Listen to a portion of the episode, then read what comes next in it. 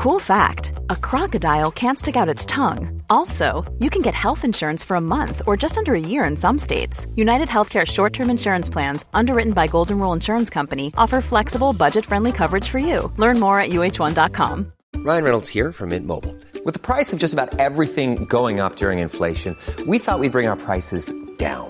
So to help us, we brought in a reverse auctioneer, which is apparently a thing. Mint Mobile unlimited premium wireless. Ready to get 30, 30, bit to get 30, bit to get 20, 20, 20, bit to get 20, 20, bit to get 15, 15, 15, 15 just 15 bucks a month. So, Give it a try at mintmobile.com slash switch. $45 upfront for three months plus taxes and fees. Promo rate for new customers for limited time. Unlimited more than 40 gigabytes per month. Slows. Full terms at mintmobile.com.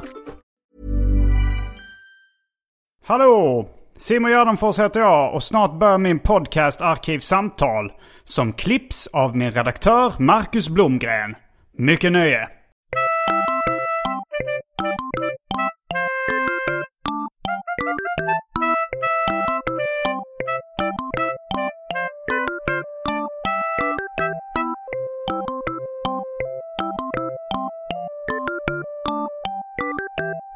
Hej och välkomna till Arkivsamtal. Jag heter Simon Gärdenfors och mitt emot mig sitter Mikael Yvesand. Tjena. Varje gång jag lyssnar på Arkivsamtal och säger så här, jag bara väntar på att någon ska säga arkivet för dig som gillar samtal eller samtalet för dig som gillar arkiv. Det är väldigt bra slogans du bjuder på. Det märks att vi är författare. Tack. Eh, det, ja, kanske, kanske börja med det. Samtalet för dig som gillar arkiv. det har, du- har du hört eh, Kevin Pollack heter han väl? Eh, Kevin Pollacks chat show. Nej. Eh, han, han är en amerikansk skådis som har varit med i lite gangsterfilmer och annat. Men han hade en podd där han intervjuade rätt mycket bra gäster. Han var väl från filmbranschen så han eh, fick tillgång till det. Men hans, eh, hans, han eh, öppnade sina poddar alltid och sa så här. Welcome to Kevin Pollacks chat show. And I am, as you might guess, chat show.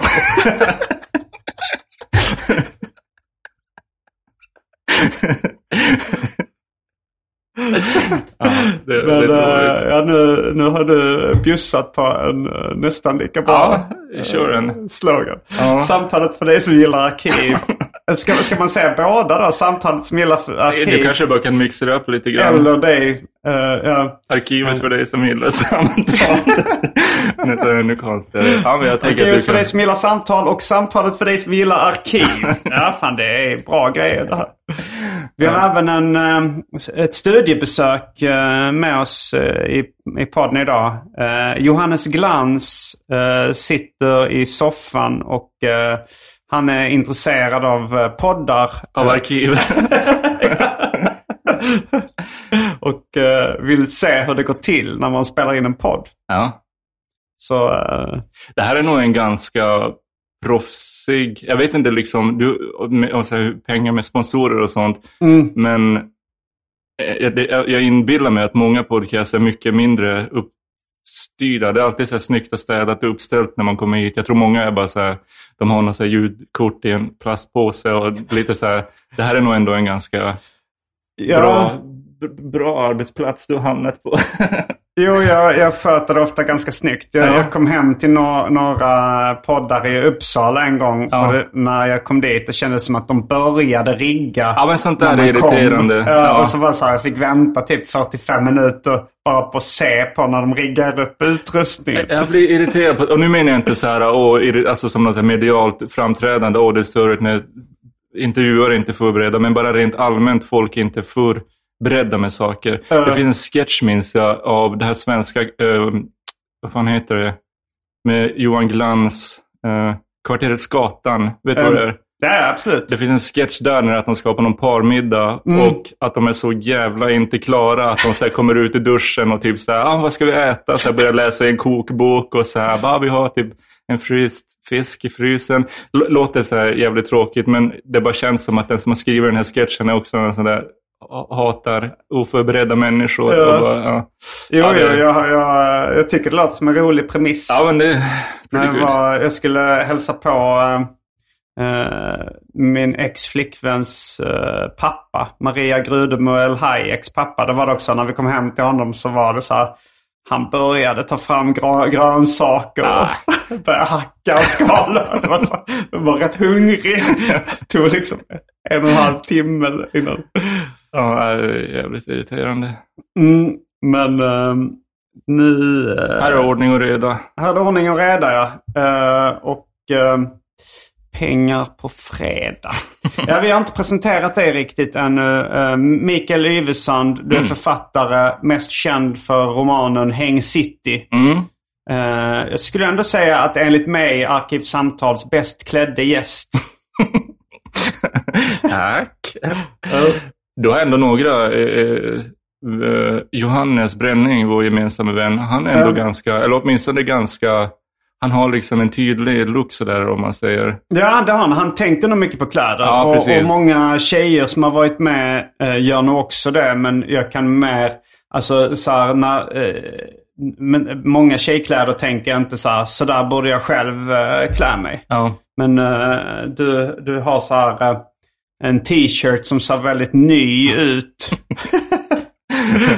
Ja, men vi, vi snackade lite om det minns jag någon gång. Du sa också något om mina kläder. Nu har jag till exempel så, allt är beige liksom så här. Att det är en ganska enkel genväg till att se, alltså så se mer sammansatt ut. Att man har så samma färg. Jag tror att det är sånt de brukar så här, varna för. Bara, man ska inte matcha för mycket. Men det är ganska coolt att matcha för mycket. Så här, Ja. Samma brand och liksom färg på här, över och underdel. Det, ja, det, en- tvådelade sättet. Ja, Det, det är också en liten uh, klädstil som är förknippad med afroamerikansk kultur. mhm. Uh, att ha tvådelat. Det var, min storebrorsa berättade att han hade läst någon lista över eh, uppfinningar då, eller liksom kulturella fenomen och sånt där som svarta låg bakom. Eller jag- jag vet inte om det var fokus på afroamerikaner. Men den listan var ganska lös i ramarna. Alltså som de här kända smakerna på glass som eh, choklad, eh, jordgubb och vanilj var tydligen en afroamerikansk kock.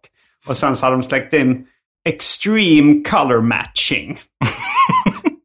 Att man har så här, en röd kepset och röda brallor i samma färg och ett par röda glasögon i samma nyans. Jag undrar vad, var, vad fanns det för glassmak innan vanilj, jordgubb och choklad? Uh, nej, men det, kan, det kanske bara var frusen mjölk med socker. Aha. Eh, Vanilj är liksom default glassmak, vilket egentligen är lite blivit konstigt. ja. Men det, det är ju konstigt. det är ja. ju liksom en smak sådär. Mm, det har ja. också blivit en symbol för eh, standard. Liksom man säger Ja, vaniljsex och, och sådär. Det är sant, ja.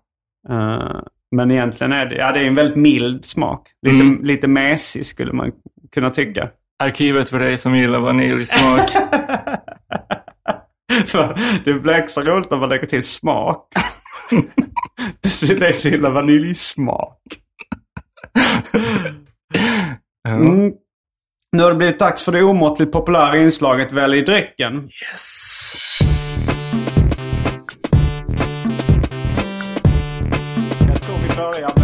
fasta inslaget Välj drycken! Och här kommer alternativen. Eh, Fanta med smak av apelsinsmak. Eh, mandelmjölk. Eh, vi har eh, de flesta spritsorter kända för mänskligheten. Mhm. Det här ska jag testa. Vi har pulverkaffe. Det finns uh, häxblandningen, det vill säga alla drycker som fanns i min kyl innan ni genomgick en så kallad corporate rebranding. Och för tråkmånsar och nejsägare, vatten. Ja, Vill du, vill, du ha, eh, vill du testa mig på eh, de flesta spritsorter som är kända för mänskligheten? alltså tidigare när jag har varit med här har det varit liksom helg. Mm. Så då har vi alltid supit. Men jag tänker, jag skulle vilja...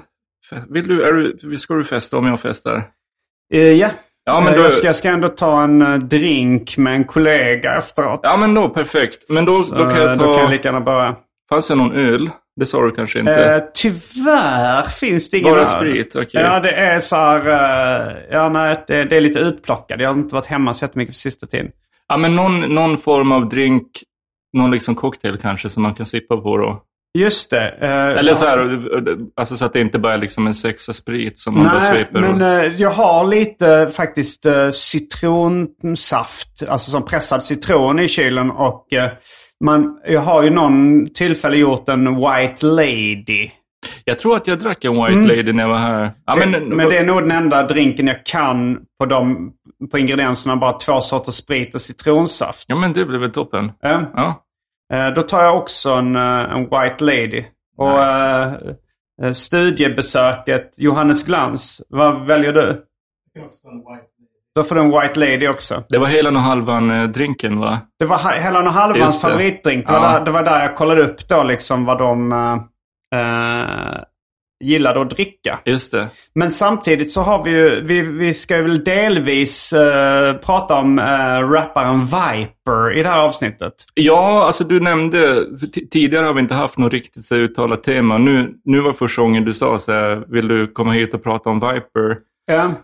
Och då tänkte jag så här, jag vet inte så mycket om han. Och då sa, nämnde du det där, ja jag hörde det här avsnittet av den där flygande jukeboxen, podcasten. Ja. Att du sa att du hade kunnat prata ett helt avsnitt om Viper. Ja. Hade nog inte väntat mig att bli liksom Synad kon- på den konfronterad. Precis. Men jo, nej, absolut, vi Ja. snackar om Viper. Det kanske kan bredda samtalet till lite allmän outsiderkonst och sådär. Absolut. Och det här är ju också arkivet för dig som gillar utsvävningar Ja, eh, sidospår. Dialogens högsäte. Nej, sidospårens högsäte. Det var faktiskt, eh, eh, jag tror det var, eh, jag var med, jag, i gymnasiet så var jag med i ett eh, så här, eh, skolradioprogram Ja. som jag hade tillsammans med mina kompisar. Eh, och det hette Radio Ninja. Mm, det här har jag nog hört dig nämna någon Ja. gång. Ja. Och där var det, jag tror det var Kalle Törn som kläckte eh, sloganen Dialogens högsäte. och det var nog därifrån jag sen eh, fick att Arkivsamtal är sidospårens högsäte. Ja, Jag vet inte exakt vad ett högsäte är. Är det ett högkvarter? Jag förknippar det bara med man, det är någonting då, typ att det finns mycket ny nazism i en stad, att det är så nazismens det är sällan det är sällan några bra högsäten liksom. Det är negativt Ja, klang, ett högsäte. Ja.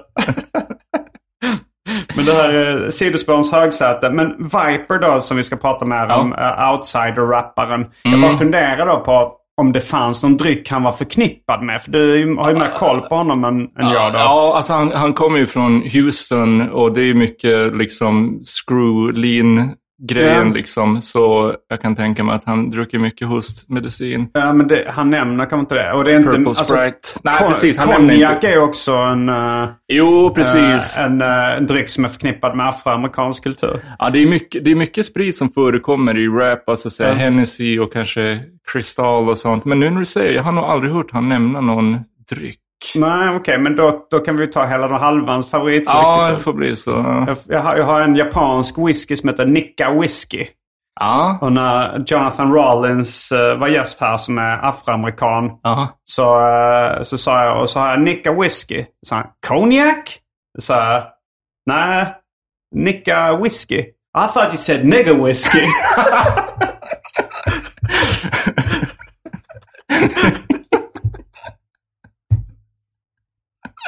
Otroligt kul.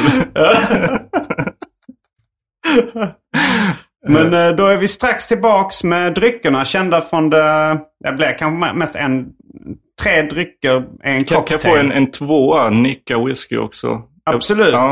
Eh, det kanske vi alla tre ska, ska ha. Mm. Ja.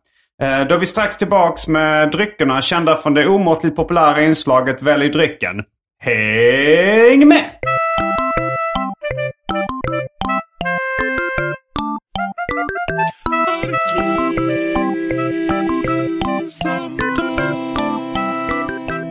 Då är vi tillbaks med dryckerna kända från det omåttligt populära inslaget Välj drycken. Vi sitter med varsin eh, White Lady och lite Nicka Whisky. Coffee Inslaget... Brain. I- Nej, vänta, hur blir det? Väl det drycken. inslaget, valet för dig som gillar dryck. Men är det, Drycken för dig som gillar inslaget. val. Inslaget för dig som gillar val. Dryckerna för dig som gillar val. Valet för dig som gillar inslag. Drycken för dig som gillar inslag. Välj drycken inslaget för dig som gillar eh, inslag där du väljer dryck. Eh, mm. Vad tyckte du om uh, Nicka Whisky? Alltså inte så dumt. Jag gillar inte egentligen så här brun sprit. Nej. Men mycket gott för att vara whisky faktiskt. Ja. Det är lite vaniljsmak. Eh, jag tror inte den är smaksatt med vanilj, men den är ju väldigt så här lite, Lite- chokladig, Ja, vanilj. Alltså, det är något den- sådär mellow i smaken. sött, den är inte liksom. sådär rökig och liksom... Jag gillar inte när whisky är sådär, du vet, att den ska vara helt sådär kära eller vad fan det är. Den här var ändå liksom någon god smak. Mm, god smak. Det är en bra slag. Du, har du funderat på att bli copywriter någon gång? Eh, nej, jag tror inte jag skulle vara så bra på det. Jag jobbar ju med copyright, men liksom upphovsrätt. Men då brukar folk Just tro det. att det handlar om sån copywriter. Men, Men du, det kallas inte att du är copywriter. Nej, nej, nej. Alltså det är inte Mm. ens samma ord. Alltså copyright, upphovsrätt. Alltså en copy... Fan, nu kanske jag snackar Ja, skit. right, men right, och, ja, alltså skriva, skriva, liksom. ja. Det här är liksom rättighet, copyright. Alltså, Ja. ja. Men jag tycker det är konstigt att man säger att man så skriver, en cop, skriver copy när man skriver en reklamtext. ja, jag fattar inte heller. Varför heter det en kopia? Liksom. Copyright, ja. Nej, jag har Right. ingen aning faktiskt. Bra. Nej. Men, men eh, är det... För att många författare har väl säkert liksom... Alltså du, du tar väl lite kommersiella uppdrag? Uh, skrivgrejer. Eh, Jo, jo, alltså det gör jag ju, men det är ju för att jag tycker det är kul. Det är liksom inget så här... äh, jag, typ sen jag var här med sist har jag skrivit en no, någon novell och lite sådär, men det är som för att jag tycker det är kul. Det är Mm. inga riktigt pengar, eller det är väl någon lite pengar sådär, men det är inget, det är inget så här, ja det här gör jag för att liksom dryga ut. men Ja, jag har ju ett vanligt, vanligt jobb liksom heltid så. du jobbar på STIM. Eh, och det har inte förändrats sen sist. Uh, nej, samma gamla. Men jag tänkte på... när, eh, Exakt, Harvey Pekar. har, vi, har vi pratat om det redan i den här podden? Ja, att han var med i Letterman och Ja. hans liv bara ingenting hände. Samma shit. Men, eh, ja, du, men du eh, har... du är i ett förhållande nu i alla fall. Ja, stämmer. Och Det har hänt sen sist. Ja, men. Och köpte en ny lägenhet. Japp. Ja, då har ju din livssituation förändrats. Markant. Jo, jo, nej, nej, nej. Alltså jag menar bara så här... uh, Det har inte kanske så mycket med arkivsamtal att göra. Nej. Jag tror Harvey Pekar tänkte nog att liksom Letterman medverkan skulle leda till förändring i hans liv. Ja, men grejen också så här, jag känner inte att mitt liv är dåligt. Eller kände inte, varken nu eller då, att det Nej. låter så här, inget har hänt sen sist. Men jag tycker att mitt liv är bra. Jag har liksom inte något behov av att något mer behöver hända. Det är så här, jag har ett jobb. Mm. Nu, eh, liksom, jag hade en bostad även då, men nu har jag en permanent bostad. Mm. Jag har mina polare så här, jag trivs i Stockholm. Eh, Jag har liksom inget behov av att mitt liv måste ändras så mycket. Men nu Nej. är det så här roligt att träffa en person man tycker om. Köpa en lägenhet, det är kul. ja. ja, du har flyttat ihop med någon du tycker Nej, om? nej, nej, det har jag, det har jag inte. eh, Utan det är ja, två bara eh, grejer. Vi har inte... Nej, okej. ja. Nej, det nej. hade varit kanske lite snabbt. Ja, kanske. Men det är väl ganska mycket, så här, framförallt i Stockholm, eftersom Mm. bostadssituationen är så när folk så här, flyttar ihop fort. Liksom. Mm. Hur, hur, hur går det för dig på den fronten? Och flytta ihop? Ja, du nämnde någon gång tror jag. Ja, eh, alltså det, jag, jag har ju pratat med min fru om att flytta ihop. Ja. Låter som en konstig mening att säga. Du tycker att det är lite, går lite fort fram att flytta ihop med sin fru. Det roliga är att det är säkert, alltså, och jag också förstår dig, för att det är så här, ja men gifta sig absolut, vad roligt, bo ihop. Inte att man inte gillar någon, men det är att jag, att jag är rädd för att sabba relationen. Det är lite kul att så här, sakna varandra och sånt där. Att det är lite av ett event när man ses. Ja. Jo, alltså egentligen så tror jag att både jag och Andrea eh, vill ha våra egna lägenheter. Ja, Men sen är det väl att hon... Eh, hennes... Eh, hon har inte lika mycket stålar. nej just det. Så att eh, jag tror att hon vill nog, hade nog kunnat tänka sig flytta ihop av den anledningen. Att då hade hon fått en lyxigare boende. Ja. Men eh, sen... Man, man, man ska inte ha för bråttom fram med sin hustru. Alltså. Men, eh, men sen så... Eh, sen, men sen har hon pratat väldigt mycket om att hon vill så här, ha ett sommarställe. Mm. En sommarstuga liksom. Eller så här, en stuga någonstans i skogen. Eh, och då så... Jag sa så här, ah, men jag har, jag har inte tid med husköp. Eh, jag måste göra klart min film och sådär. Det är ganska mycket. Men, eh, och sen, men sen så, och så snackade vi båda om att... Du låter så jobbig. Din fru vill köpa ett hus. Vad sa du? Din fru vill köpa ett hus men du har inte tid för du håller på med någon film. Det låter som att du är så fuck up. Det är du ju inte. Det låter Nej, det är jag inte. Nej. Men, eh, men sen, sen började vi prata om liksom att flytta ihop. Så här, vi kan först då ska flytta ihop så att vi löser den situationen. Och sen efter det så eh, eh, kan vi börja eh, se om vi har råd då med ett hus. Har hon bostadsrätt? Eh, nej, Ah, nej, ändå. eh, det har hon inte. Men eh, hon hyr till och med andra hand. Liksom. Ja. Men, eh, men sen så eh, kom, kom det fram att hon hellre ville att man skulle skaffa ett hus, ett sommarhus, än att vi skulle flytta ihop. Hon tyckte det var prio ett. Och då tänkte jag, ja men det kanske är skönt då. Då kan, man, då kan jag eh, bo kvar här och så kan man ha ett sommarhus ifall det är det som hon helst vill. Ja. ja. Så eh, ja, om du hellre vill det än att flytta ihop så eh, Du får välja en av dem. ja. Hur ska du ha det? Ska vi bo ihop? Då, valde, då valde hon eh, sommarhus. Ja. Så det, när jag är klar med filmen så ska vi börja kolla på det. Ja, fan vad trevligt. Vars, vars då? Eh, eh, hon vill att det ska vara i Skåne. Ja. Jag tycker det är lite långt bort. Ja. Men eh, det, det är väl eh, en förhandling i den här utdragna konflikten som kallas för äktenskap. vi får se. Ja, okej. Ja. och Vadå, vart hade du velat? Bara nå- närmare Ja, jag hade enkelt? då velat ha något som eh, alltså ligger eh, en, en, max en timmes färd härifrån. Liksom. Just det. Så att man kan åka ut dit och eh, placera en plastfigur när man köpt den som inte får plats i lägenheten. Du bara söker någon sån här Shurgard-förråd egentligen. Ja, jag, jag är lite sugen på att bygga en tiki-bar. Ja. Eh, Alltså, eh, jag, jag har blivit lite intresserad av eh, inredning. Ja. Och eh, tiki-kulturen är någonting som ligger mig varmt om hjärtat. Jag tycker det, jag brukar besöka tiki-barer om det finns sådana där jag åker. Du, har du varit på den här i Stockholm? Den kanske inte ens är bra om man är inne i den Tiki svängen. Room. Ja, he- ja, heter den så? Mm, den, är, den är väldigt bra Ja. även liksom eh, internationella mått mätt. All right. Eh, enligt, uh, enligt ägaren av Tiki Bar så är det bara eh, eh, den och en Tiki Bar i Las Vegas som har gått all in. Okej. Men det, det, han är ju lite jävig då eftersom han äger en av dem. Ja, ja, ja. Men den är, men den är väldigt bra. Sen, sen stämmer det nog inte riktigt. Nej.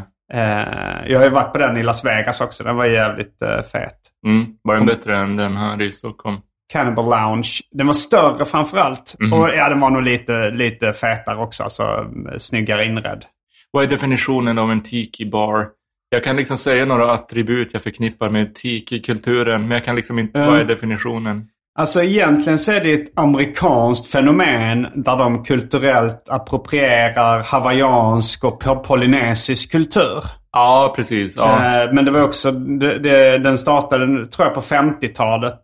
Eller 40-talet kanske. Eh, så den är ju rätt förknippat med 50-talsestetik också. Och liksom eh, någon slags exoticism. Men det, det är ju liksom fruktiga färgglada drinkar. Eh, exotisk musik av semesterkaraktär. Och eh, liksom det är mycket bambu, eh, palmliknande växter, eh, Hawaii, hula hula. Eh, jag tänker- Tiki, de har sådana här totempålar eller sådana tiki-figurer liksom som är någon slags polynesisk eh, religiös symbol tror jag. Jag tänker att en del av det är att det ska se lite så här cheapo ut, men det kanske bara är för att man har sett billiga sådana. Att det, att det, att det är lite så här kitschigt, att det är typ så här, äh, typ så här plastbambu och sånt. Men det kanske inte är det. Det kanske bara är att man har sett sådana här... Ja, det behöver inte vara plastbambu, men kitsch tror jag är Ja, ett nyckelord ändå ja. i tiki-kulturen. Ja. Och, och, jag är och jag är lite sugen på liksom, ifall jag skulle köpa ett sommarhus så skulle jag vara väldigt sugen på att bygga ett tiki-rum eller en tiki-bar. Ja, där hade man ju kunnat, alltså så här, man kan vackla lite med hur man inreder sitt hem. Typ så här Mm. att man kanske blir trött på det om man gör för extremt åt något håll. Men ett sommarställe där man inte är på så ofta, där kan man Mm. ändå köra mer, tänker jag. Så här, Ja. nu, nu jävlar gör jag liksom tiki bar av det här. Ändå bara här en par veckor per år liksom. Ja, Men jag vet inte, hade man tröttnat om man bott i en eh, fullt ut tiki-inredd lägenhet? Man hade ju Nej. vant sig vid det, men, men det hade nog varit rätt kul ändå. Ja, och det där tror jag fan är nyckeln också. För jag tror många just med så inredning och sånt. Faktumet att man inte tycker det är så bra är att man inte riktigt committar. Att det är typ så här, äh, ja men du gillar kanske så här cartoon-looken liksom.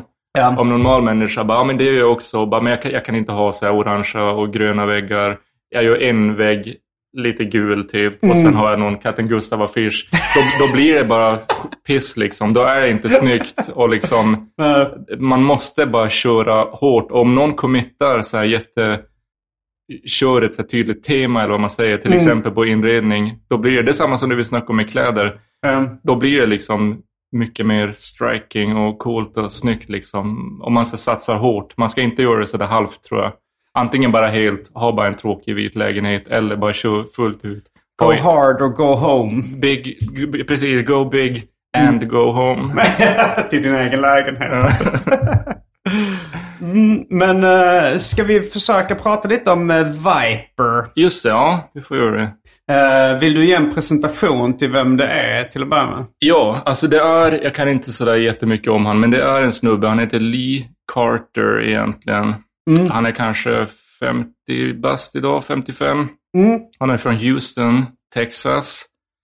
Och han är, som många när man läser på Wikipedia så tror jag att det är sådär att han började spela piano när han var ung. Du vet hur mycket såhär som han har gospel farmor som kanske lärde dem. Jag har för mig att det var så hans liksom ingång till musik var. Okej. Men För till att börja med kan vi berätta att han är att han låter väldigt konstigt. Alltså, otroligt konstigt. det, Precis. låter, ja. det låter ju inte speciellt proffsigt.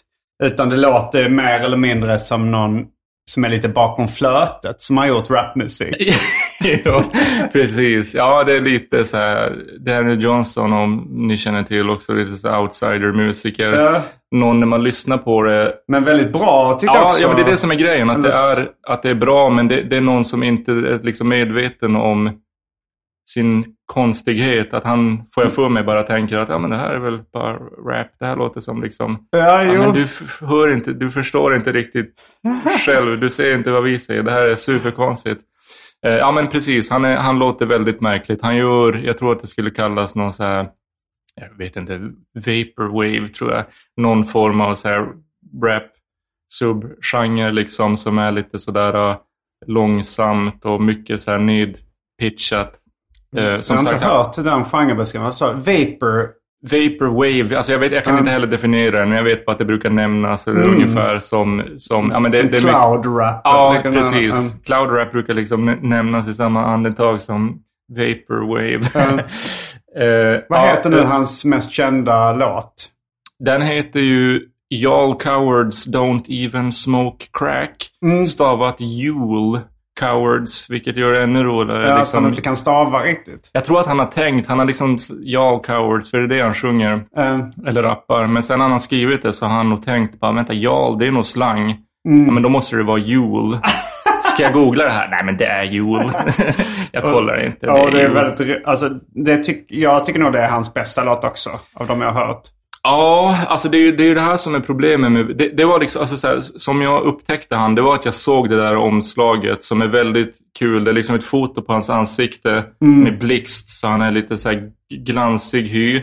Det ser ut som att han sitter i något trap house liksom. Han är så svettig liksom. Ja. Och så har han lite så här, skelar lite och har lite halvstängda ögon och ler lite så här små kaxigt. Ja. Och så, ja, y'all cowards don't even smoke crack. Det är ju så väldigt kul att tycka att någon är en fegis, liksom, för att de inte röker crack. Alltså att de inte ens röker crack. Exakt.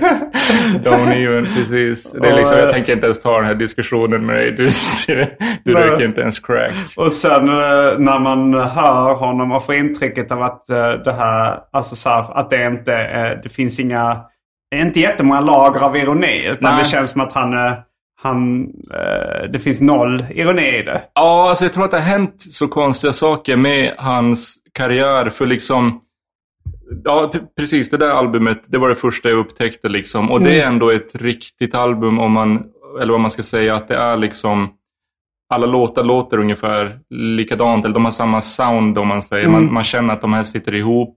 Texterna eller liksom titlarna på låtarna återkommer i texten så att man vet ändå att det här är, ja, han har döpt den här låten efter vad han rappar, sjunger om. För sen vad som har hänt är att han har liksom tagit samma låtar, säg att han kanske har spelat in 300-400 låtar. Mm. Så han släppt Finns de på Spotify? Det finns väldigt mycket på Spotify. Men det finns, Alltså det finns tusentals album på Spotify. Alltså bokstav- Tusentals tu- album Ja, tusentals. av Viper? Absolut, det är ingen överdrift. Alltså år 2014 när jag lyssnade på honom som mest. Mm. Då kom det liksom 10-15 album i veckan. Helt bara... ja, ja, ja. Men, men som sagt, det är liksom De har samma... inte scrollat tillräckligt långt. Men... Ja, men jag, jag tror, alltså det är som att hans, hans output har liksom sabbat Spotify. För det finns typ så åtta olika Viper-konton och de länkar liksom helt fel. Och sen han... Alltså jag tror han är en skvatt galning liksom. Jag hörde i någon intervju när han pratade om att hans mål är liksom att han ska, här, han ska ta över marknaden genom att bara flood the market liksom. Det finns så mycket Viper-låtar så att man hittar inget annat. Men jag tror inte han förstår liksom att världen funkar inte så. Eh, och han har liksom, han har YouTube-kanaler och sånt, hur många som helst. Och så har han liksom album som heter liksom Google Viper the Rapper och ett album som heter liksom Viper YouTube Channel 4. Och det är helt obegripligt liksom. Men det jag skulle säga var att det är liksom samma låtar man märker att fast han har så många album så är det inte jättemånga låtar. Så att det är liksom en och samma låt kan han ha gett ut på 300 olika album. Ibland exakt samma låt, ibland liksom nedpitchat lite eller liksom vänt något baklänges sådär och ny titel. Och Ja. låtar försvinner, liksom hela album försvinner och det kommer nya. Det är så... Frågan är varför de försvinner då om han vill uh, flood the market. Alltså jag, jag kan tänka mig att Spotify har någon hel liksom Viper-avdelning som bara sitter och bara vad fan ska vi göra med den här dåren liksom. det går liksom inte att bli av med honom. Han bara hittar nya vägar in. Och, eh, ja men det jag skulle säga var apropå att det inte finns någon ironi. Eh. Det tror jag inte att det finns heller. Jag tror han, han har liksom ingen sjukdomsinsikt. Men, vad Men- tror du han lider av för sjukdom eller njuter av för sjukdom? Jag är dålig på sånt där. Jag ska inte råka trampa någon på tå. Det vet jag faktiskt inte. Men eh, han kan, han, det kan vara så att han lider av sjukdomen crackmissbruk. eh, långvarigt drogmissbruk. Eh, eh, men jag vet att han är sådär. Han, han är någon gammal så här, blood eh, gängmedlem liksom. Mm. Och sen pratar han mycket om att han är så real estate. Att han säljer real estate och har så mycket pengar. Och man bara, det är klart du inte har några pengar liksom. och det återkommer mycket i rap att man skryter om så här, att man har mycket grejer, pengar och Ja. smycken. Men det blir roligt med honom när han så bevisligen inte är där liksom på den nivån. Men det jag skulle säga apropå det här med att det inte finns någon ironi. Det, här, det blev något, för han var ju helt, eller är i stor del väldigt så här underground. Men att han fick något sånt här uh, ironiskt följe. Så här, att det blev lite sådär internet meme-pryl. Att så här, uh, ja, folk började tycka att han var rolig. Liksom, hade roliga titlar på sina skivor. Väldigt roliga skivomslag. Ryan Reynolds here from Mint Mobile. With the price of just about everything going up during inflation, we thought we'd bring our prices down. So to help us, we brought in a reverse auctioneer, which is apparently a thing. Mint Mobile unlimited premium wireless. Ready to get 30, 30, bit to get 30, bit to get 20, 20, 20, bit to get 20, 20, bit to get 15, 15, 15, 15 just 15 bucks a month. So, Give it a try at mintmobile.com slash switch. $45 upfront for three months plus taxes and fees. Promo rate for new customers for limited time. Unlimited more than 40 gigabytes per month. Slows. Full terms at mintmobile.com. A lot can happen in three years, like a chatbot may be your new best friend. But what won't change? Needing health insurance. United Healthcare Tri Term Medical Plans, underwritten by Golden Rule Insurance Company, offer flexible, budget friendly coverage that lasts nearly three years in some states. Learn more at uh1.com. Everyone knows therapy is great for solving problems, but getting therapy has its own problems too, like finding the right therapist, fitting into their schedule, and of course, the cost. Well, BetterHelp can solve those problems. It's totally online and built around your schedule. It's surprisingly affordable too. Connect with a credentialed therapist by phone, video, or online chat, all from the comfort of your home. Visit betterhelp.com to learn more and save 10% on your first month. That's BetterHelp, H E L P. Mycket eh, brudar. Alltså, han tv-inslagen. Ja, han har haft olika liksom, faser om man säger. I, där i början, då var det alltid bara en, ett, en suddig liksom, selfie på han själv. Man bara såg att han bara tsch, har tagit en selfie. Och så har han skrivit liksom clipart. Jag har massa, jag, jag, får fylla i på Arkivsamtal Facebookgruppen sen. Eftersnacket. Ja. Ja, att han liksom hade ja, en skiva. Jag satt i morse och försökte kolla en skiva som heter så här, Kill yourself my man. Och sen Kill yourself my man 2. Och så är det liksom en rolig titel som jag såg i morse också. Att det är hans polare Ja, som precis. ska Och han säger han ler lite sådär. Jag såg en rolig låttitel i morse också som var eh, I hijacked the soul train by putting glue on the tracks and simply climbing aboard. Soul Train är ju ett känt amerikanskt tv-program Ja. som kanske då på 70-talet tror jag det... Ja, precis. Det var lite bara så här, man gick in och dansade och, och Ja, lite afroamerikansk, show. Ja. Afroamerikanskt fokus. Ja, precis. Och I, I did 9-11 var ett annat album. Men här började det hända, det jag skulle säga var att jag tror att hans ironiska publik liksom på något vänster kidnappade hans karriär. Jag vet inte hur det gick till, men jag vet att han började ladda upp så här green screen material på YouTube. Han liksom bara la upp så här när han dansar framför en green screen. Typ, typ så här 15 minuter. Och sen så finns det så otroligt mycket musikvideor som är bara han ihop klippt i så här bisarra situationer. Ja, mycket så här 9-11, mycket så här edgy internethumor.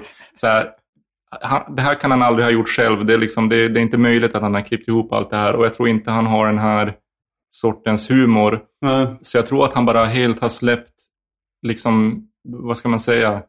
Han har bara liksom släppt loss en massa material och liksom fått den här publiken att bara sköta hans Ja. grej åt honom. Jag att- tycker i och för sig ja. det här I kidna eller I hijacked the soul train by simply Det, det tror jag är han. Ja, ja, det tror jag är han. Och Ja. jag tror det är ändå humor.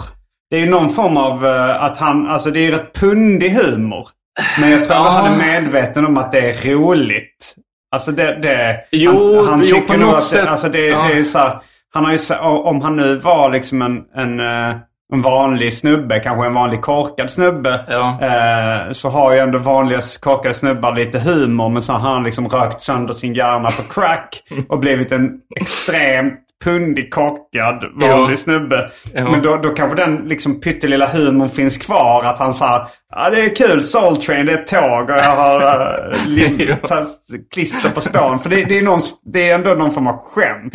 Och sen Jo. så ironi och skämt är inte exakt samma sak. Men Nej. eh, han är ändå medveten om att han försöker vara lite eh, rolig där tror jag. Jo, kan, jo men det, det, jag tror också att det är någon slags humor. Och Mm. det är mycket så återkommande med hans skivtitlar. Att det är lite sådär, uh, vad ska man säga, kaxigt. Eller att det går ut på att det är så här, jag är så mycket smartare än dig. Mm. Och kill yourself och bara I'm superior. Men, Eh, så det är jag- gansk vanlig attityd inom rap och hiphop Ja, men det är som att han, han har liksom tagit det och, och han, han liksom, vad ska man säga, han går åt fel håll. Han liksom fokuserar på fel sätt. Han har inte förstått den här hur man ska skryta. Han liksom skryter om typ, ja jag är så smart. Jag, Det var ju Arman uh, Reinsson, eh, hans, eh, hans förklaring till liksom, eh, när vi pratade om uh, låten Knulla barn som Mm. han också medverkar på. Så sa han att han tyckte det roliga var att så här, många rappare skryter om kriminalitet, vilka brott de har begått.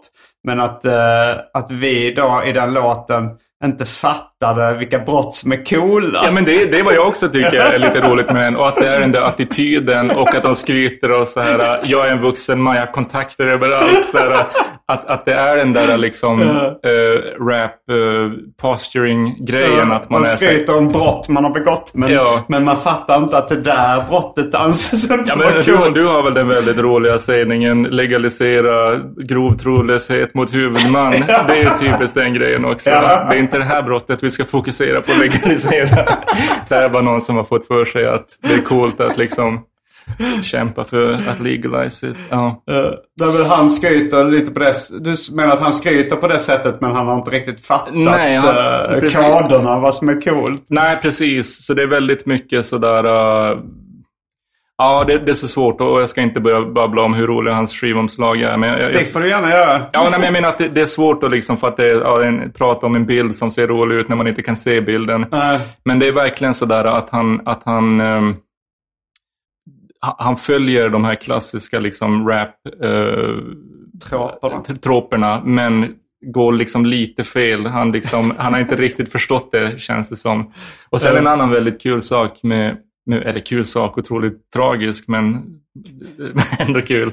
Tragikomisk. Ja, för när jag blev som mest inne på, på Viper, jag också så här, jag började beställa så här merch från hans hemsida som var så jävla shady liksom. Är det han själv som sitter och säljer det från sin lägenhet i Houston då? Mycket möjligt. För liksom jag beställde en så här kaffekopp med det där Jarl Coward som slaget och någon t-shirt och vad det var. Liksom, ja, de kom hem efter ett tag. Så här, det gick helt bra. Mm. Men sen så fick jag ett brev uh, ett, uh, långt senare.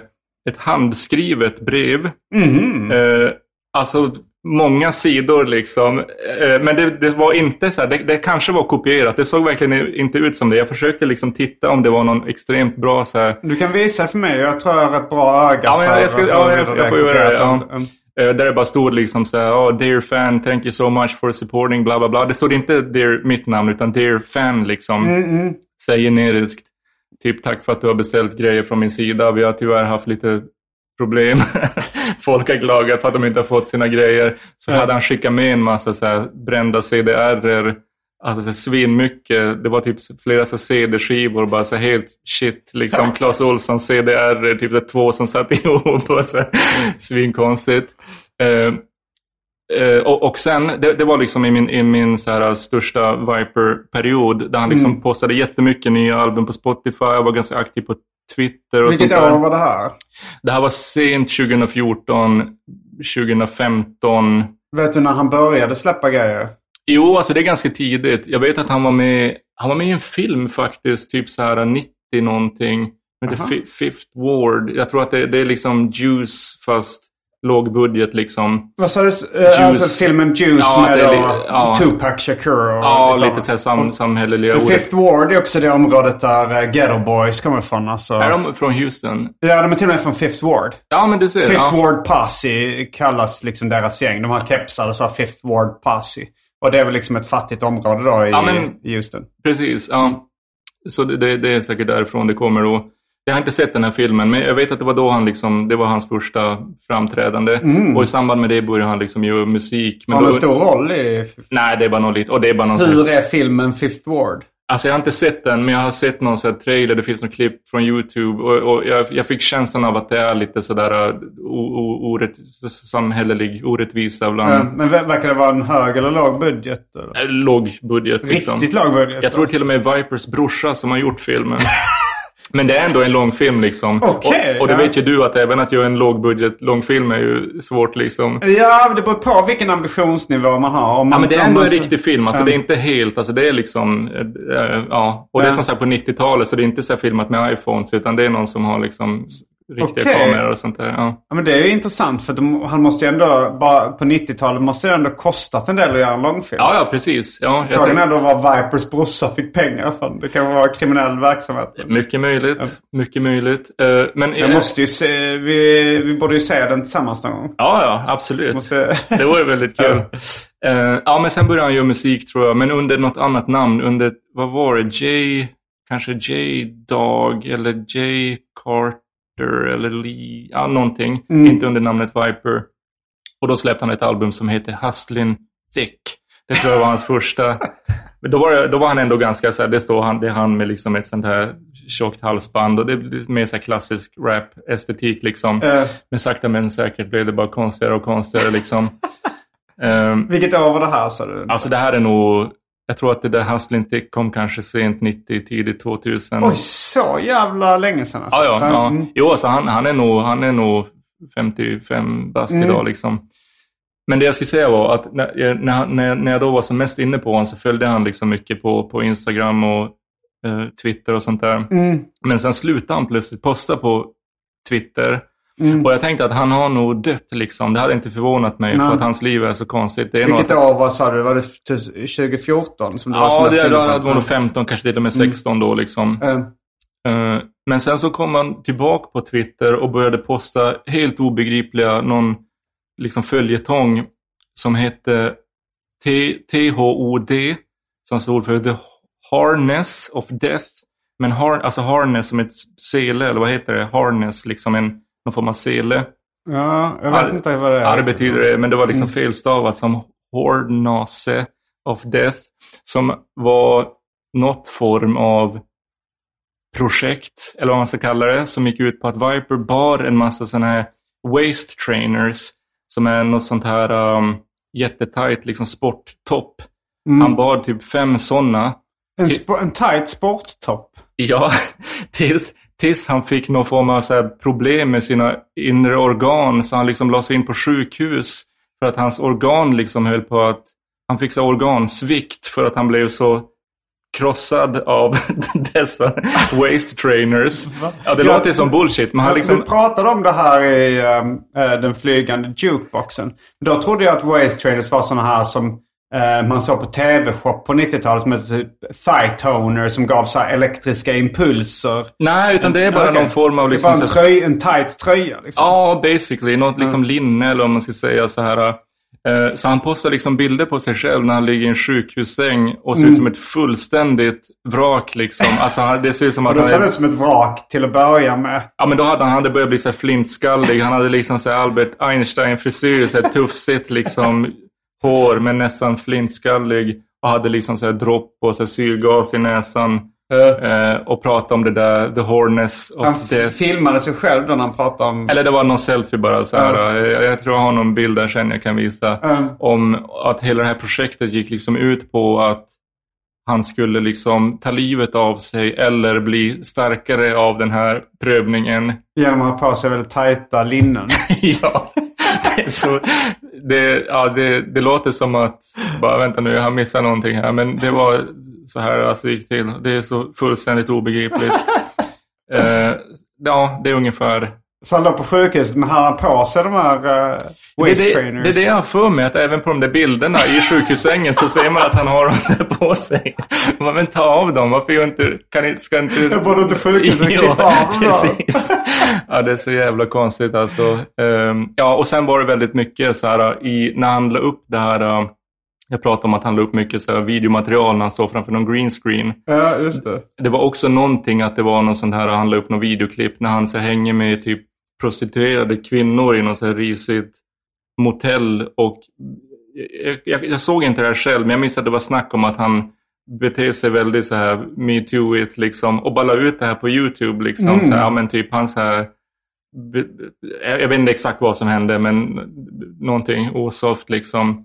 Eh, Han antastade de här kvinnorna. på något vänster Mm. liksom. Eh, och, eh, och jag tror att folk liksom använde det materialet för, och gjorde liksom musikvideor av det. Och de här musikvideorna var så jävla utflippade till att börja med. Som sagt, Mm. det var mycket så här 9-11, så här, ja, edgy internethumor. Ja. Så hans så här, konton blev liksom borttagna. Och ja, han kom tillbaka med så här, tio nya eh, YouTube-konton. Och det var, det var totalt omöjligt att få liksom en överblick av vem är ens liksom rätt Viper och vad är en låt som han har gjort och vad är liksom en låt som hans ironiska internetfans har gjort. Liksom. Uh, Så hur det- stort följe tror du han har? Alltså så här, vilken är...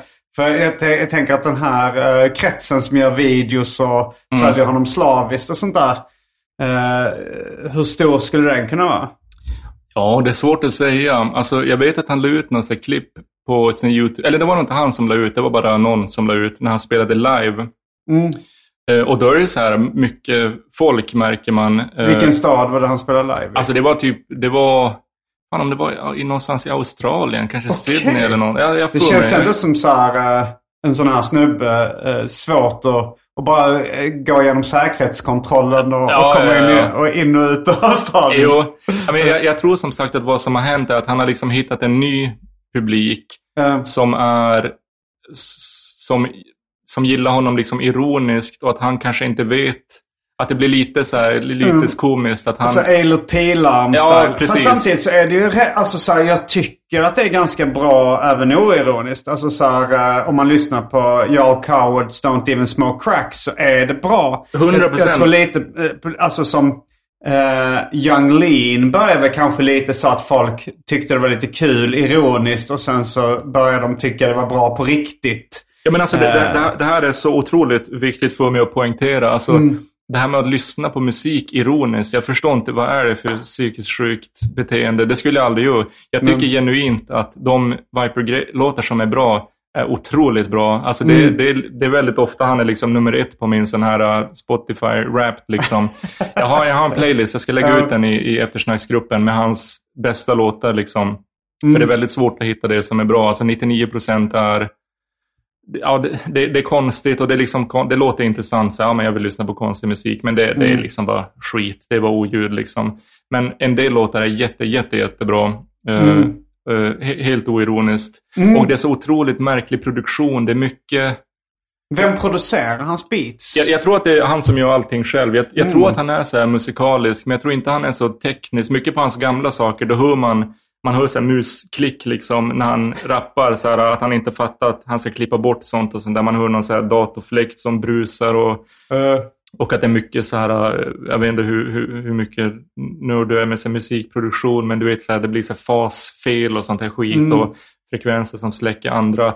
Det är väldigt mycket sånt i hans musik, att det, det här är liksom objektiva fel. Men, men det gör liksom på något sätt att ibland det liksom uppstår så här uh, melodier tycker jag när man lyssnar på honom som så här, uh, Mm.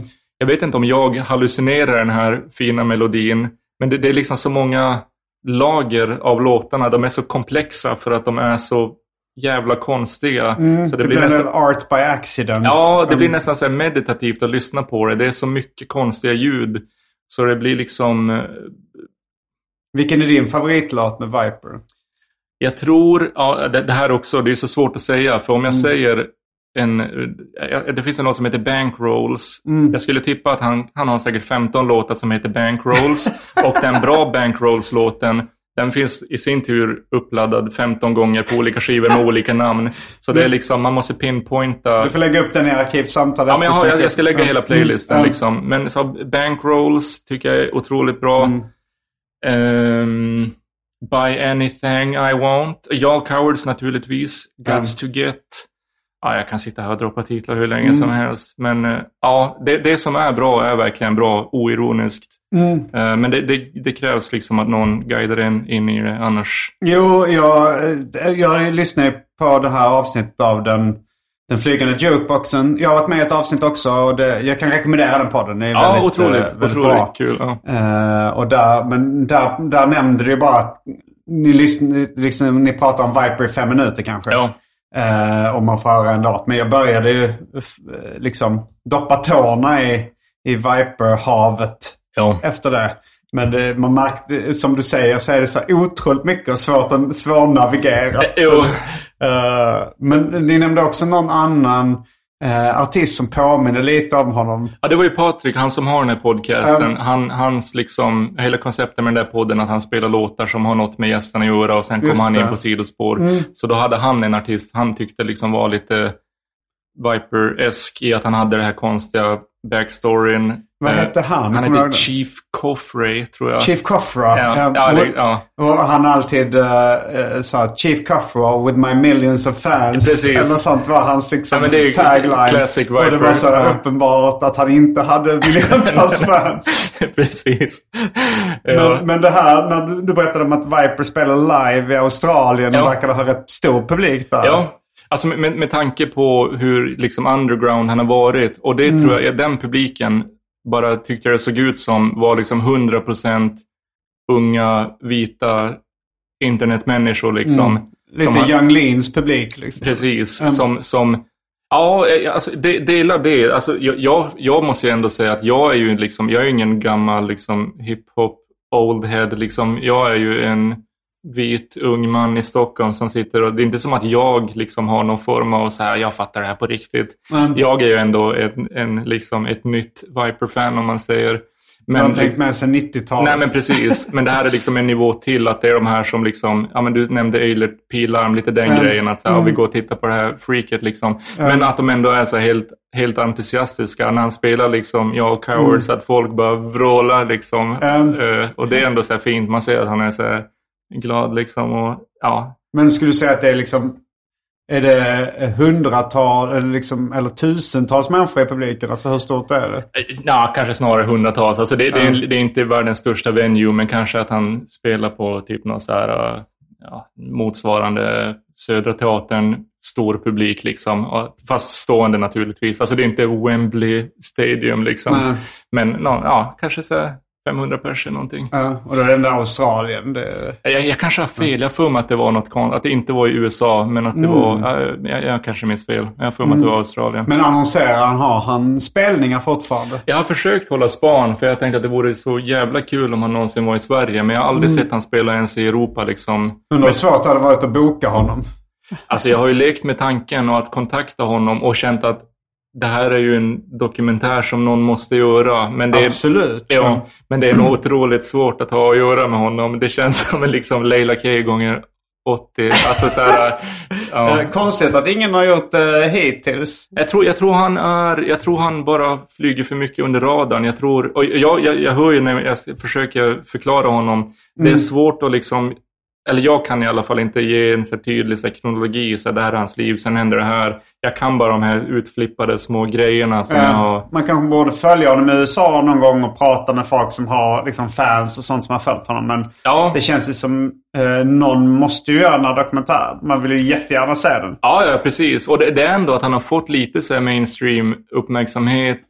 Men det är alltid med den där känslan av att det är, att det är Ja, lite, inte ironiskt riktigt, men jag vet att de skrev om kanske i Pitchfork, om du mm. känner till, eller något ja. sånt där, när de liksom försökte beskriva honom och ha någon så intervju, men att det är liksom hela tiden fokus på hans konstiga liksom internetpersona och som sagt hur allt liksom har blandats, eller det är min bild av att hans nya ironiska publik mm. har liksom på något sätt tagit över hans karriär och att det har blivit så jävla svårt att skilja på vad är, så här, det kommer fortfarande album. Jag lyssnade senast idag på ett nytt album på Spotify. Hur mycket släpper han nu för tiden? Alltså nu, jag, jag bara scrollar. Och återigen, om, om du trycker på Viper, då vet du, det här är ett, en, en Viper på Spotify. Det finns mm. så många, det finns en Viper the Rapper. Uh, alltså så här, det mm. finns så många, man, det liksom går inte att förstå. Man får liksom inte överblicken någonsin. Mm. Men den jag brukar följa, det är liksom de stora låtarna finns. Här, jag Cowards. Mm. Där fanns det några album från 2023 i alla fall. Och där lät allt väldigt nytt. Men det var liksom konstigare sound än på länge. och då är det något konstigt. Ja, men nu var det ännu konstigare liksom. Så jag undrar om han eh, är på väg in i någon ny spännande era liksom. Men det jag skulle säga var att jag förstår, jag, då, jag, då vet jag liksom inte om det här är han som har producerat ett album och döpt det och lagt det på Spotify. Eller om det är hans ja, publik som har på något sätt gjort det. Och liksom, det Just det, ja. ja. det är svårt. Och det gör det också till, ja men, uh, mer, uh, ännu mer så här. Jag tänker som Andy Warhol. Brilloboxarna. Ja, ja, precis. Alltså, ja men hela hans konstnärskap handlar väl lite om det så här. Är det viktigt vem som har gjort det och så vidare. Och, nej, nej, nej. Och, ja, men exakt sådär. Och, och, ja, men jag, jag har tänkt mycket på det just med Andy Warhol. Han hade ju de här, uh, han gjorde sådana här Brillo, alltså här mm. stålull Brillo-boxar. Just det, ja. Mm. Så utställningen, eller konstverket var bara sådana där mm, kartonger Ja. Brillo-boxar. Det finns ju en Petra dokumentär tror jag om de Ja men precis. Ja. Han, han, skulle ta den utställningen till Sverige mm. men de kunde inte skeppa lådorna för att de kunde gå sönder. Mm. Och då hade liksom museimänniskorna frågat, men kan inte vi bara köpa riktiga sådana här och ställa ut dem? absolut. Mm. Så då var de på något sätt sanktionerade av Warhol, men sen kom de på vift och sen var det liksom en röra. Men vad är egentligen riktiga Just det, och Warhol-konstverk? Liksom, och, ja. Uh, utställaren då som gjorde egna och sålde också. Ja, men sen tror jag att andra människor började köpa egna Brillo-boxar. För mm. det gick liksom inte att hålla isär vad Nej. som var vad. Och också att Warhol tyckte att det här var liksom jättekul. Det ja, var liksom jo, så här, det gör det. Sätter ju, alltså, så det är ju det som är hans poäng lite. Liksom, med de konstverken. Så här, eh, vem är konstnären? Och så, här. Men, så det blir ju det går ju lite i linje med det. Med, Ja, ja. med Viper då.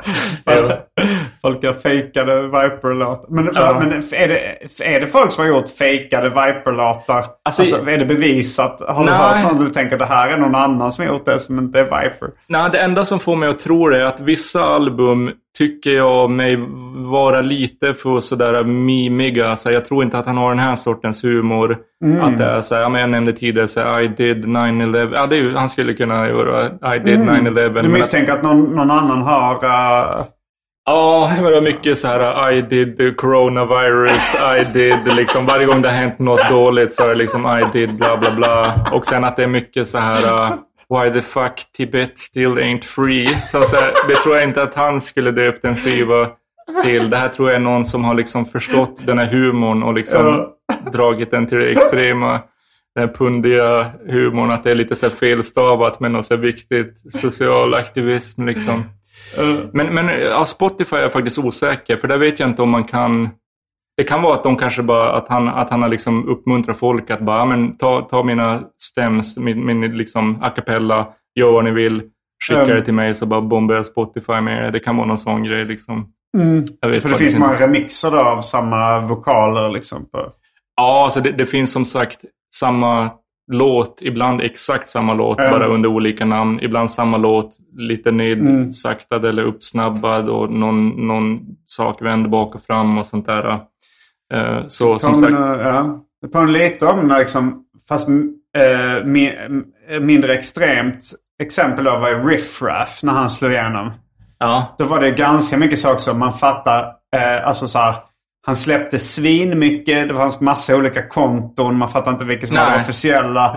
Eh, man fattar inte hur mycket på allvar är det här. Hur, hur, Lil hur B var väl också sådär liksom. Ja, Lil B. ja. Fast jag tror Lil B var nog lite smartare. Ja men just det där att det kommer så otroligt mycket och Ja. att om man tänker, ja men nu ska så här, folk snackar mycket om Lil B, nu ska jag försöka lyssna på det och bara herregud, vad, hur gör man? Vad ska man lyssna på? Ja, och att det är så här, det är väldigt pundigt allting. Man fattar inte hur medvetet är det Ja. här. Det är mycket liksom trams och det någon slags eh, mer eller mindre manisk knarkare som ligger bakom det. Men Riff Raff tänker jag är medveten Jag tror Lil B är ännu mer medveten. Ja, men det, det, det kan jag också tro. Han har ju varit med, vet känner du till Nardwar, den här intervjuaren? Nej. Det är en, en jättekänd så här, musikintervjusnubbe. Han har Ja. så här, rutig basker och väldigt så här, nördig.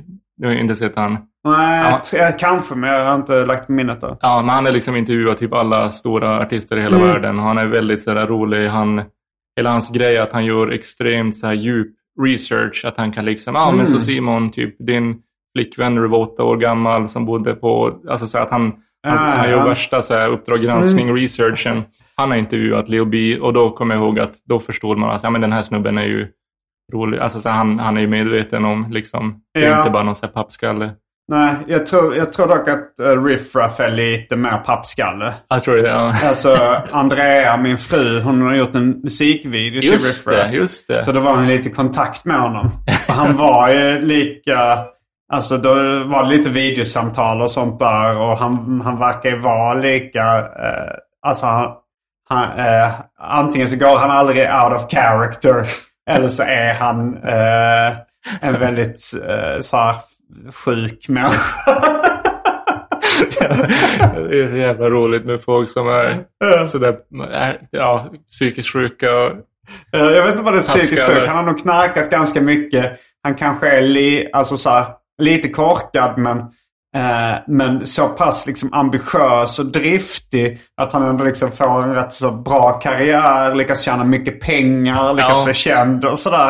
Eh, men det, det är rätt roligt med folk som är eh, lite dumma men ändå så driftiga att det är liksom överkompenserar. Att de får, Ja. de, blir- de blir rikare och mer framgångsrika än liksom eh, ja, men, men Viper, känns ju som att han har, en, han har den där driftigheten. Han, Mm. han bara missriktar den så mycket. Som sagt att han spelar in så mycket låtar och bara liksom ska flood the market med sin musik. Så här, Daniel Johnston var ju sådär att han, han visste inte hur man liksom gjorde flera kopior av en kassett. Så han, Mm. liksom, han spelade in en låt och så gav han bort den demon och så ville någon till ha den och då spelade han in den igen. eh, Det är ungefär, känns som att det är typ, det är inte så Viper jobbar med samma sorts, att han har missförstått. Han liksom hasslar som fan, Mm. men han gör fel. Så här, du, du kommer inte få en större publik av att du släpper 5000 album på ett år. Det blir bara förvirrande och ingen vet liksom vad de ska lyssna på. Men förmodligen så hade han...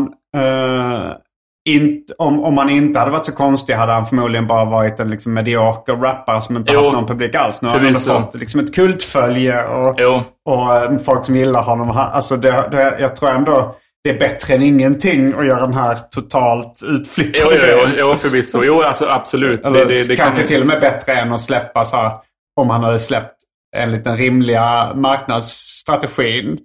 jo, och så hade det det, nog gått sämre totalt tror jag. och det var nog absolut en del av varför jag blev så fascinerad av honom. När jag Mm. alltså, så här, hade det funnits tre album och det var bra låtar så hade Ja. jag bara, ja, den här snubben är ju bra. Men Ja. det var ju just för att det var så obegripligt att försöka förstå. Bara, men vänta nu, vad är det här?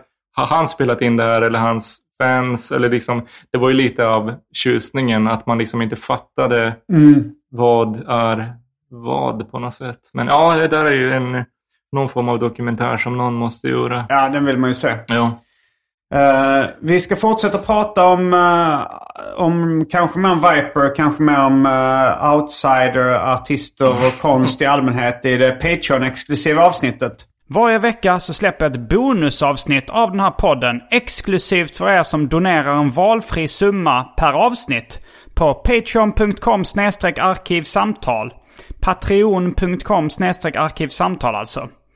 Det finns redan över 40 exklusiva avsnitt som du får tillgång till. Så det är mycket kul för valfri slant. Vill du bara vara schysst och säga tack för åratal av underhållning så kan du även swisha en slant på 0760 72 47 28. All denna info finns även i avsnittsbeskrivningen.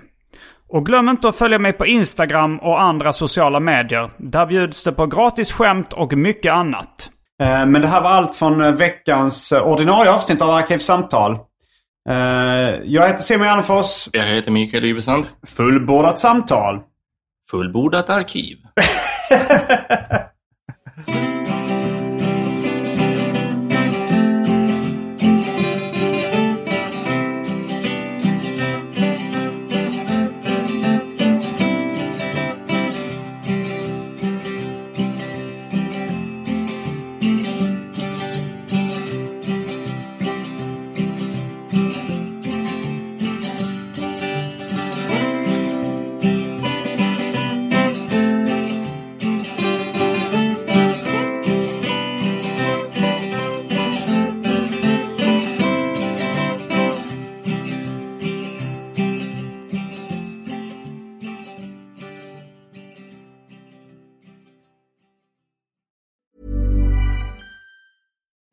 deserves the best, and there's no better place to shop for Mother's Day than Whole Foods Market. They're your destination for unbeatable savings, from premium gifts to show-stopping flowers and irresistible desserts. Start by saving 33% with Prime on all body care and candles. Then get a 15-stem bunch of tulips for just $9.99 each with Prime. Round out Mom's menu with festive rosé, irresistible berry chantilly cake, and more special treats. Come celebrate Mother's Day at Whole Foods Market. Planning for your next trip? Elevate your travel style with Quince. Quince has all the jet setting essentials you'll want for your next getaway, like European linen, premium luggage options, buttery soft Italian leather bags, and so much more. And is all priced at 50 to 80% less than similar brands. Plus, Quince only works with factories that use safe and ethical manufacturing practices. Pack your bags with high-quality essentials you'll be wearing for vacations to come with Quince. Go to quince.com slash pack for free shipping and 365-day returns.